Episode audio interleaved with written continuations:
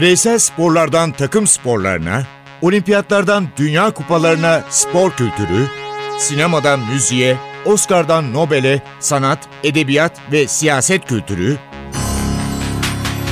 ve dünya tarihinin unutulmazlarıyla ilgili konuşulanlar,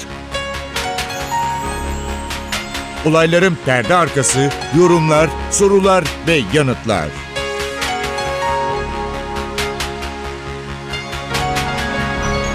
Ercan Taner ve Mert Aydın'la Ateş Arabaları başlıyor.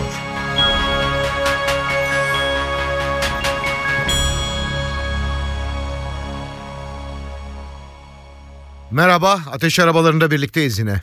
Merhaba.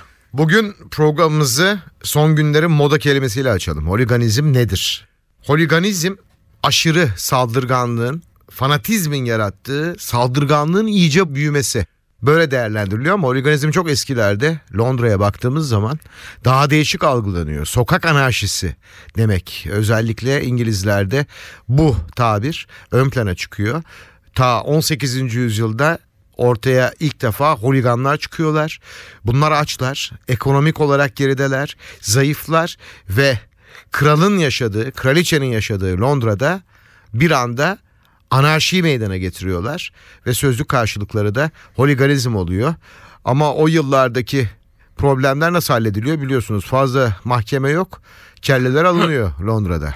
Tabii işin içine futbolun girmesiyle birlikte holiganizm kelimesi de kavramı da futbolla birlikte anılmaya başlanıyor. Yani günümüzde 18. yüzyıldaki gibi sporun dışında holigan diyebileceğimiz grupların sayısı azaldıkça sporda, futbolda e, bu sayı daha fazla artıyor. Daha çok bu bölümde, bu kategoride kendilerini belki de topluyorlar. Öyle söyleyelim ve holiganizm denen bela karşımıza futbolla birlikte daha fazla çıkmaya başlıyor. Artık günümüzde sadece futbol değil birçok başka sporda da holiganizm çok fazla ön plana hı hı. çıkıyor dünyada. Birçok sorun yaşanıyor başka spor dallarında da. Bunun için her ülkenin kendine göre bir takım planları, kendine göre bir takım stratejileri oluyor. Ee, İngilizler bu konuda çok çeken ama ardından da bunu en iyi şekilde halleden, en iyi şekilde bu sorunu çözen herhalde en Ülkelerden biri. Ülke. Evet. Şu var tabi. Holiganizmin değişik boyutları. Ben de en son Partizan Beşiktaş maçına gitmiştim inanılmaz güvenlik önlemleri vardı. Kızıl Yıldız Galatasaray basketbol mücadelesinde maalesef çok üzüntü verici bir olay yaşandı insanlık adına da. Ama orada e, kişileri gördüm. Bu kişiler artık olayın içine siyaseti sokmuş durumdalar. Nerede? Belgrad'da. Tamamıyla yani bir ırkın siyaset demeyelim Ercan. Yani bir ırkın diğer bir evet. ırka karşı üstünlüğünü ilan Çünkü, eden yapı evet. ve saldırganlar. Yani siyaset ya da politik ideoloji dediğimiz şey aslında bunu içermiyor ama e, onların yaptığı biraz farklı bir şey diyelim. Yani siyaset deyince sanki bütün hani siyaset yapmak kötü bir şeymiş gibi bir yanlış anlaşılma olmasın. Ancak o şekilde siyaset yapmak çok doğru bir Bu tabii değil. ki Avrupa Birliği'nin son yıllarda yaşadığı ekonomik krizlerden sonra ortaya çıkan özellikle Balkanlarda ortaya çıkan gruplar. Hırvatistan, Sırbistan, Yunanistan. Mesela geçen hafta Yunanistan'da maçlar oynanmadı. Neden oynanmadı? Yunanistan Merkez Hakem Kurulu Başkan Yardımcısı eski hakem sokak ortasında sopalı kişiler tarafından dövüldü ve hükümet maçları süresiz olarak tatil etti. Yani bu artık olayın boyutunun ne kadar vahim hale geldiğini gösteriyor ve bunlar komşularımızda oluyorlar. E, komşularımızda yaşanan bu olayların bizi de etkileyeceği kesin ve şimdiden büyük önlemler alınması gerekir diye düşünmekteyim. Evet. Yani e, şunu düşündüğümüzde tabii Yunanistan'ın durumu senin de biraz önce çok net bir şekilde söylediğin gibi özellikle ekonomik krizle birlikte iyice hani daha önce var olan e, o holiganizm daha da hortladı, daha da büyüdü diyelim. Diğer tarafta tabii Sırbistan, Hırvatistan gibi ülkelerin zaten özellikle son 20-25 yılda iç savaş gibi e, bir takım hadiseler yaşadığını belirtelim. Orada doğal olarak en aşırı derecede milliyetçilik diyelim. Evet. Milliyetçilik kötü bir şey değildir ama en aşırı derecede milliyetçilik. Ha bir de şu var tabii Türk düşmanlığı. Onu açıkça o, söyleyebiliriz. O, onlar e, iç içe geliyor zaten böyle evet. ifade etmek lazım. Orada çok fazla futbol taraftarlığında ya da spor taraftarlığında e, vücut buldu. Yani oraya kendini endeksledi öyle söyleyelim. Bu da tabii sıkıntılı şeylere sen işte Partizan maçında mesela Partizan maçı Allah'tan o zaman oynandı Ercan abi. Hı hı. Yani şimdi Beşiktaş o deplasmana gidiyor olsa hani Yunanistan deplasmanından insanlar korkuyor. Şimdi Partizan deplasmanına gidiliyor olsaydı yaşanacaklar ya da doğrusu korkulacak şeyler daha fazla olacaktı. Hı hı. Öyle ifade etmek gerekiyor. Şimdi hepimizin bildiği hani e, bir şey var ama bu hani bazıları romantiklik diye dalga geçiyor ama hani spor böyle bir şey değil. Yani spor insanların birbirini öldürmesi, kavga etmesi, birbirine bıçakla saldırması, birbirine işte benim ırkım senin ırkından daha iyidir dediği bir şey değil. Sahaya insanlar çıkar, futbol oynar, basketbol oynar, voleybol oynar, X, Y, Z oynar neyse. Tabii ki. Bir taraf kazanır, belki berabere biter. Ya budur yani spor dediğimiz şey bundan ibarettir. Bunun içine siz onu kontrolsüz şekilde sokarsanız e, aşırı derecede milliyetçiliği ve başka hesapları e, ve de özellikle sosyal açıdan sıkıntıları olan, sosyoekonomik açıdan sıkıntıları olan ülkelerde bu çok çok fena sonuçlar doğurur. Biraz önce belirttiğin gibi işte e, Yunanistan'da yaşanan gibi sonuçlar karşımıza Doğurabilir. çıkarır. Ancak işte bu tip olayları olduktan sonra önlemek çok zor Ercan abi. Yani polisiye tedbirlerle belli işte yapanı yakalarsınız falan ama bu esas meselenin ben bu olayların hiç başlamaması için çaba sarf etmek olduğunu düşünüyorum. Çünkü başlamazsa zaten e, o polisiye tedbirlere de gerek kalmaz. Ancak bizim ülkemizde de belki şu anda bizim ülkemizdeki holiganizm Allah'a şükür ki o seviyede daha henüz değil. Henüz değil diyorum çünkü o, Endişe o, te- ediyorsun o ama, endişeyi ve o tehlikeyi yaşıyoruz hepimiz. Çünkü insanların sağlıklı düşünme e, yetisini kaybettiğini düşünüyorum yavaş yavaş bu konuda. Ya 16, 17, 18. yüzyılda İngiltere içinde zaman zaman çıkan ve kendilerine holigan denenlerle tribünlere taşınan insanlar arasında dağlar kadar fark var. Bu holiganlar başka holiganlar. Evet. 16, 17, 18. yüzyıldaki İngiliz holiganlarsa e zaten o zaman hemen cezayı kesmişler. Evet. Ercan abi müzik arası yapalım. Bugün istersen. hangi şarkılar var? Bugün biraz böyle biraz karışık. üzün O- şey, sıkıcı başladık bence Evet, ama ortaya ama bu konuyu yapacağız. konuşmamız gerekiyor. Evet, evet. Ee, aslında biraz belki de insanların e, rahatlaması, hava alması diyelim, güneşi görmesi için e, bir çok ünlü bir müzikalin çok sevilen ve de güzel bir şarkısı, felsefi açıdan da önemli bir şarkı. Onunla başlamak istiyorum. Hair müzikali. 60'lı Çok yılların sonunda 70'li yıllarda dünyaya damga vuran müzikallerden bir tanesi. Onun en bilinen şarkısı diyelim. Let the Sunshine In.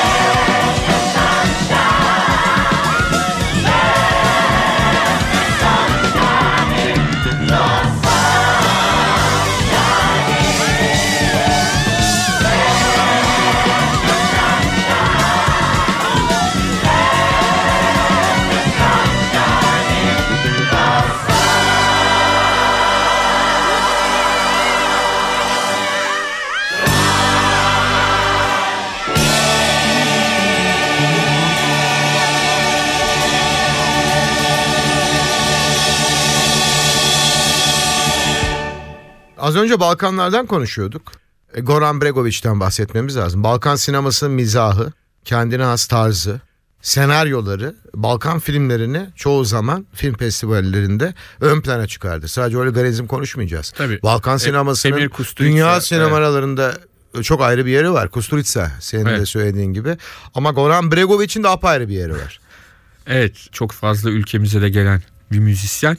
Ee, onların Kusturica ile birlikte ortaklıkları uzun süre devam etti ve ortaklıklardan hem çok güzel filmler hem çok güzel şarkılar. Kimi Goran Bregovic'in kendi bestesi ya da kimi de Yugoslav folklorundan aldığı, derlediği şarkılar. Aslında Goran Bregovic geçmiş dönemde film müziklerinden önce bir rock and roll topluluğu olan Hı hı. e, bir müzisyen ama ondan sonra çok farklı işte dediğim gibi folk müziğe yakın e, müziklerle de filmler vasıtasıyla karşımıza Şimdi çıktı. Goran subay bir aileden geliyor. Asker bir aileden geliyor ve aile ısrarla diyor ki felsefe ve o zaman baskılar var ya sosyoloji okuyacaksın. O da aileyi memnun etmek için felsefe ve sosyolojiyle uğraşırken şarkı sözlerine ve gitara başlıyor. Tabii Goran Bregovic Saraybosnalı bu çok önemli bir şey. Saraybosna'nın yaşadıkları Saraybosna'da yaşananlar e, onun her yerde anlattığı hikayelerden bir tanesi ve en önemlisi de işte kendisi Sırp Hırvat karışımı melezi diyelim. Evet. E, eşi de Müslüman Boşnak. Evet. Şimdi hep Zaten söyledi. o coğrafyada kader öyle. E tabi hep anlattığı röportajlarında söylediği bir şey kendisinin bu anlamda hiç kimseye yaranma şansının olmadığı şeklinde. Yani Bakışı öyle. e, yani Evet. Sırp Hırvat bir karı kocanın oğlu aynı zamanda eşi de Müslüman. Böyle olduğunda biz kendi ülkemizde açıkçası e, özellikle futbol holiganizminde görüyoruz. İnsanlar birbirlerine artık yavaş yavaş nefretle bakmaya başlıyorlar ve en küçük bir şey, en küçük onların kafasındakinden en küçük bir sapma sizi hain, işte ihanet içinde gösteriyor. E Bregovic'in de çok fazla bir şansı yok o anlamda. Hı hı. Eserlerinde oranın, o bölgenin nasıl diyelim e, ritimlerini, melodilerini e, çok güzel kullanıyor ve o yüzden de belki de Bregovic bu coğrafyada, Balkan coğrafyasında hayli sevilen ve eserleri işte Türkiye'den Yunanistan'a, Romanya'ya, Bulgaristan'a kadar her yerde Dünya çapında. Evet. Sezen Aksu'yla konserlerini de tabii ki unutmuyoruz. Tavsiye edeyim. Hava biraz soğuk zaten. Yine film zamanı. Çingeneler zamanı. Evet. Film müziği. Tabii. Yıl 1990. Filmi seyretmeseniz bile müziğini dinleyin. Evet e, müthiş hakikaten yani film de çok etkileyici tabii Kusturica'nın işte e, olaylar sırasında iç savaş sırasında ülkenin dağılmaması adına belki iyi niyetle başlayan ama çok fazla Milosevic yanlısı olan e, kişisel politik görüşleri nedeniyle Kusturica biraz aforoz edilmiş bir adamdır ama diğer yandan da harika filmler Tabii. e, yapmıştır hani ikisini bir, birbirinden belki ayırmak lazım. Burada şanssız olan Goran Bregovic. Evet. Sırp, Hırvat anne baba ama hanımı Müslüman Boşnak. Bu yüzden de şimdi esasında Goran da aforozda fena değil. Evet tabii Saraybosna'yı anlatıyor aslında bir anlamda Evet. onun hayatı. Ama Emir Kusturica daha farklı bir adam. Hani Goran Muragovic daha yumuşak bir insan öyle diyeyim daha tarz olarak. Öbürü daha sert demeçler veren Şimdi bir konuşan. şarkı var. Ee, bana kızmazsan unutulmaz şarkılarından biri. Onu anons edeceğim Tabii ben. ki. Goran Bregovic In the Dead Car.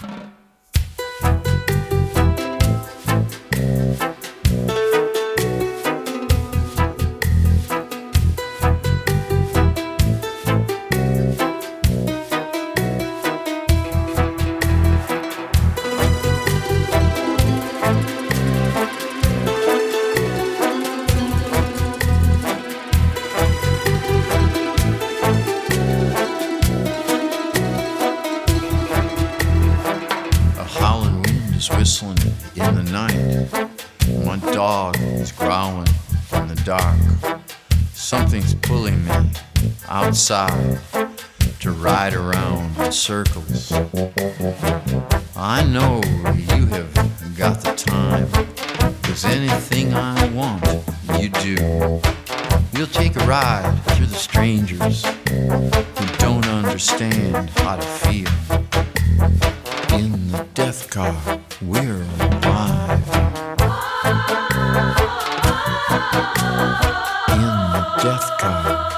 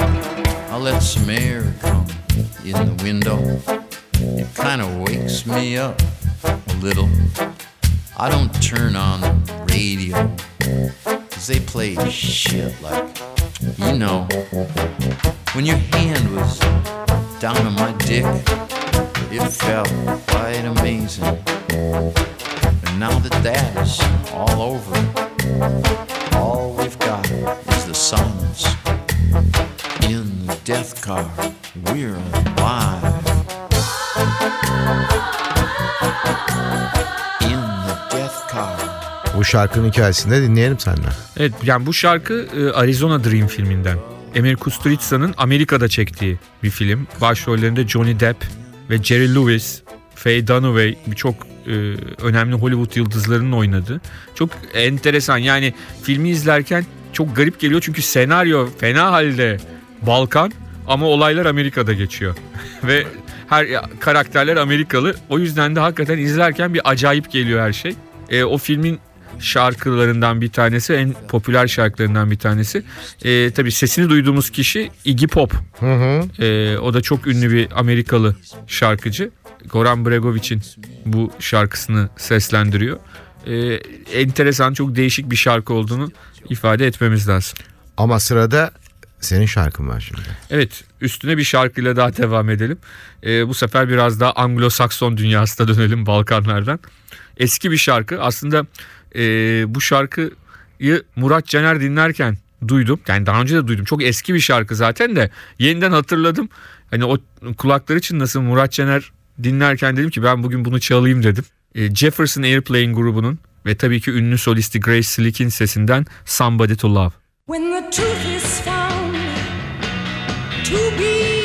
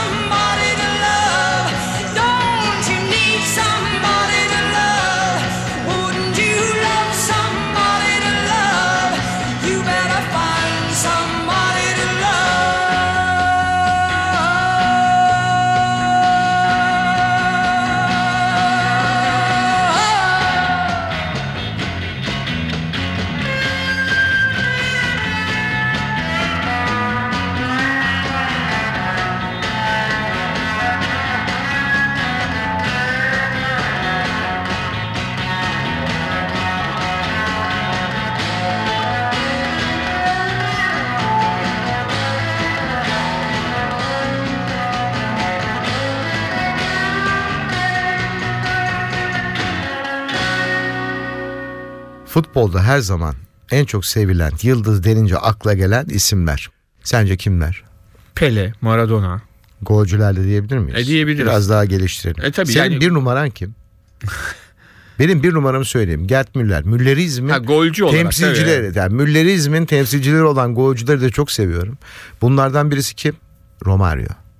Yakaladığı zaman affetmeyen golcü tipi. Tabii. Ama hayran olduğum bence de dünyanın gelmiş geçmiş en büyük golcüsü hayran olduğum Marco van Basten. Evet tabii yani aslında golcüler dediğimiz insan grubu mesela Müller Giller diyelim hani senin. hani- Benim Müllerizm Şimdi diyorum ben. Müllerizm yıllar geçtikçe değişiyor. Yani ana fikir aynı kalıyor. Ama şimdi hani Gert Müller tarzı oyuncuların hiçbiri Gert Müller gibi değiller. Değiller. Tarz yani bazı şeyler değişiyor. Yıllar içinde e, nasıl diyelim aynı sistem işte gol peşinde koşan kaleciden dönen topları değerlendiren oyuncular hala var. Ama Müller'in de 70'li yıllardan daha farklı belki fiziksel kaliteleri daha farklı oyun içindeki duruşları daha farklı. Ama tabii Marco van Basten çok enteresan bir örnek. Geleceğe doğru belki projeksiyon yapan bir futbolcuydu. 80'li yıllarda hatta 80'li yıllarda 2000'li yılların futbolcusu deniyordu Tabii. Marco van Bir Basten'e. sözünü keseyim. 1988 Avrupa Futbol Şampiyonası final maçını Tansu Polatkan'la beraber anlatıyoruz. Benim ilk finalim. Ki o gol Tansu abiye geldi. Tansu abi anlattı o golü. Dasa evin şaşkın bakışlarla ya bu top nasıl gitti yahu buradan dediği bir andı. Ben kendi kendime dedim ki acaba bu adam bu golü attıktan sonra ben ne yapardım nasıl anlatırdım diye o an içimden geçirdim ya. inanamadım ben çünkü. Doğru. Öyle bir gol yok. Senin az önceki söylediğin 2000'li yılların golcüsünün haberi ve o muhteşem golü 1988 final maçı. Hollanda Sovyetler Birliği maçında gelmişti. Evet aslında çok enteresan. E, olayın aslını öğrendiğinizde tabii bazen büyüsü kayboluyor. Marco van Basten'e o gol sorulduğunda şöyle diyor. Çok yorgundum. Yani o top orta işte Mühre'nin ortası Hmm, soldan geldi. Mühre'nin ortası geldiğinde topa doğru hamle yapmaya gücüm yetmedi. O zaman da gelişine vurmaya karar verdim top havadayken diyor. Yani demek ki biraz enerjisi olsa topa kafa vuracak. Belki yine gol olacak. ileriye gidecek. Topu daha ileride karşılayacak ama o tarihi golde kaydedilmeyecekti.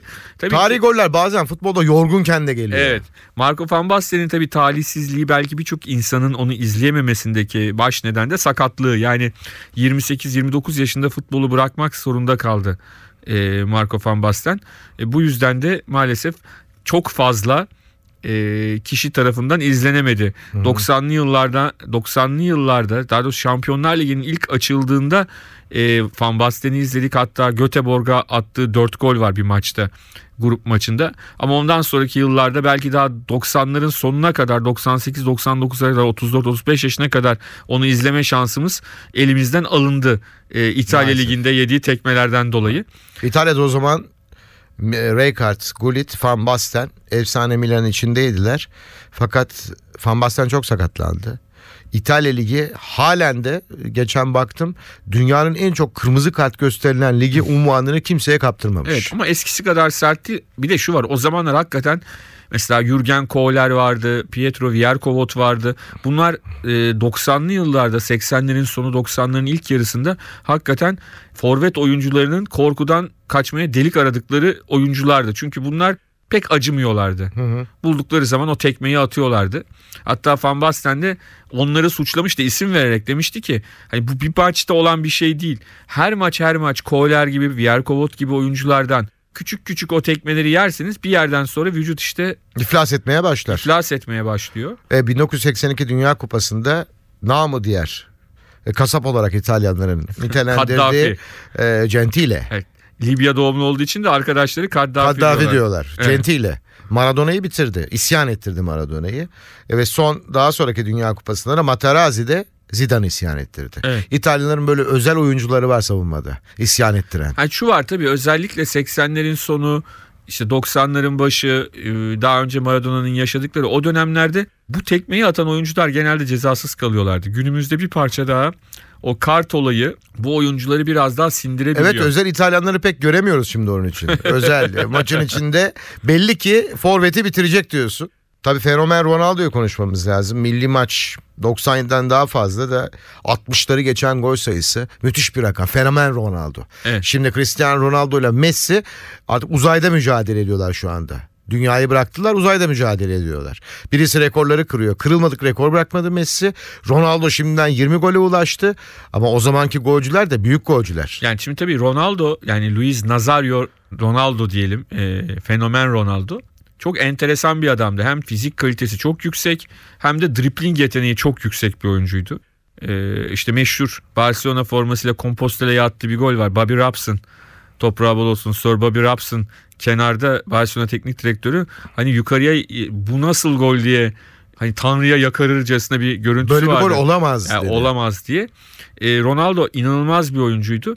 Ancak o da çok fazla sakatlık yaşadı. O sakatlıkları yaşamasa daha da büyük rekorlara imza atabilirdi ki biliyorsun Klose işte bu Dünya Kupası'nda kırana kadar Dünya Kupaları tarihinin de en çok gol atan oyuncusuydu.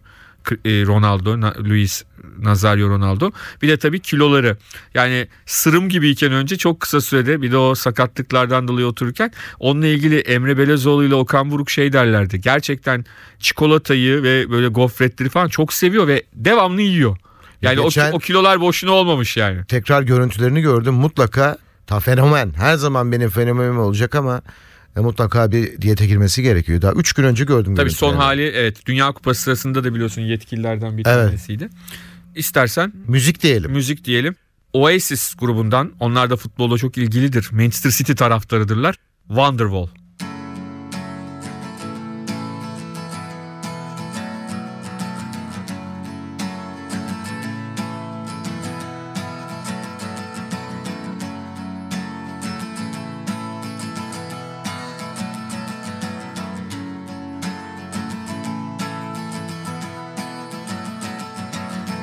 Today is gonna be the day that they're gonna throw it back to you. By now, you should have somehow realized what you gotta do. I don't believe that anybody feels the way I do about you now.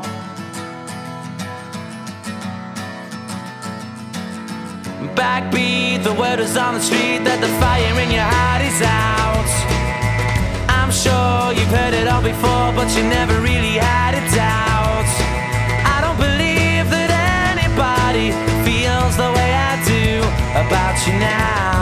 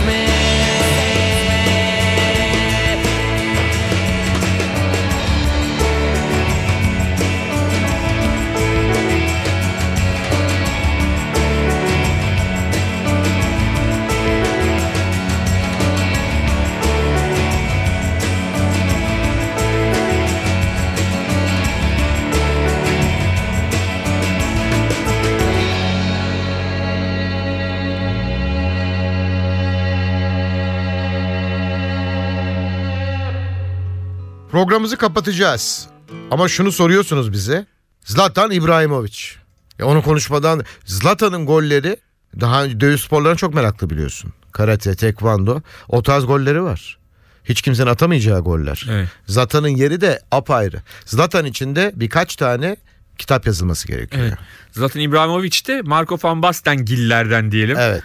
Ee, çok uzun Onun boylu. karatecisi. Evet uzun boylu ama ayağına da aynı zamanda ayak bileklerine de çok fazlasıyla hakim. Bize de Hakan Şükür aynı ekolün temsilcileri bunlar diyelim. Farklı farklı tipte gibi görünebilirler ama ana şeyleri Marco van Basten diyelim e, ataları e, bu futbolcuların. Zlatan İbrahimovic, İbrahimovic de çok özel bir kişilik yani sadece oyunculuğuyla değil herhalde hafif bence bana, bana Muhammed Ali'yi anımsatan maç öncesi maç sonrası demeçleri işte genelde kendisine mikrofon uzatıldığında söyledikleriyle söyledikleriyle konuşulan e, enteresan bir karakter ama aynı zamanda da hakikaten çok üst düzey bir futbolcu. E, yaşı 33'e geldi ama umarım daha çok uzun yıllar oynar. Ben iki sene daha oynayacağını okudum. Ondan sonra acaba dedi fiziğim beni oynatır mı? Ee, biraz da üzüldüm ya bu fizik uzun ya. Ee, bu fizik benim oynamama izin verecek mi? Çünkü çok morali bozulmuştu. Geçen hafta sakatlandı 15 gün Evet. önce. Ve şöyle dediler ayağındaki problemi bulamıyoruz. Orada da bayağı morali bozulup bir açıklama yaptı. Artık herhalde ben bitiyorum dedi ama ben tahmin etmiyorum. Çünkü profesyonel bir oyuncu. Evet. Şarkımızı çalalım. Çalalım. Sen de seversin Ercan abi. Tom Jones'tan. Green Green Grass of Home.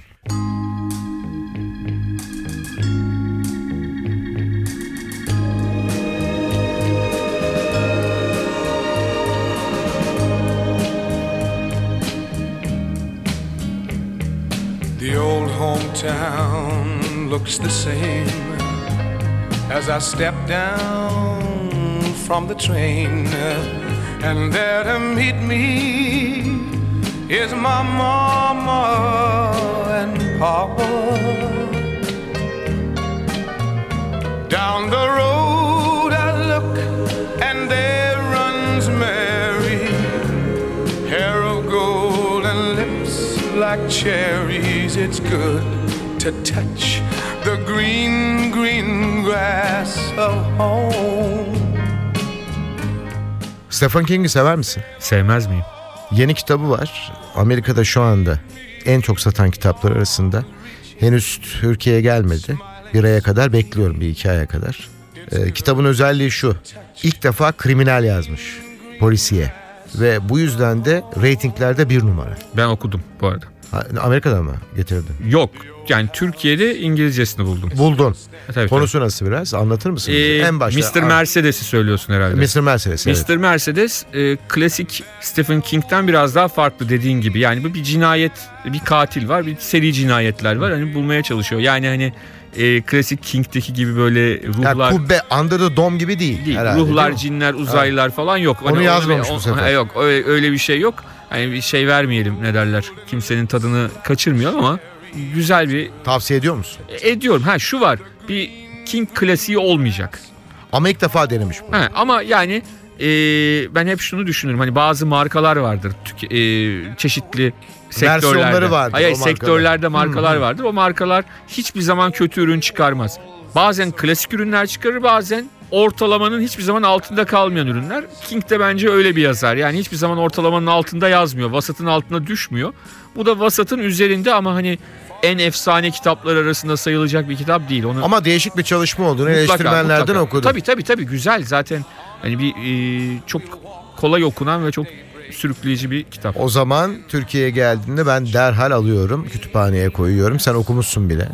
Amerika'da bulmuşsun. Nerede buldun? Bayağı araştırmışsın. Ben da. Türkiye'de buldum ya. Türkiye'de Buldun ya. bulunuyor. Yani çok zor değil bulması. E, Güzel. Veda yapalım mı? Yapalım.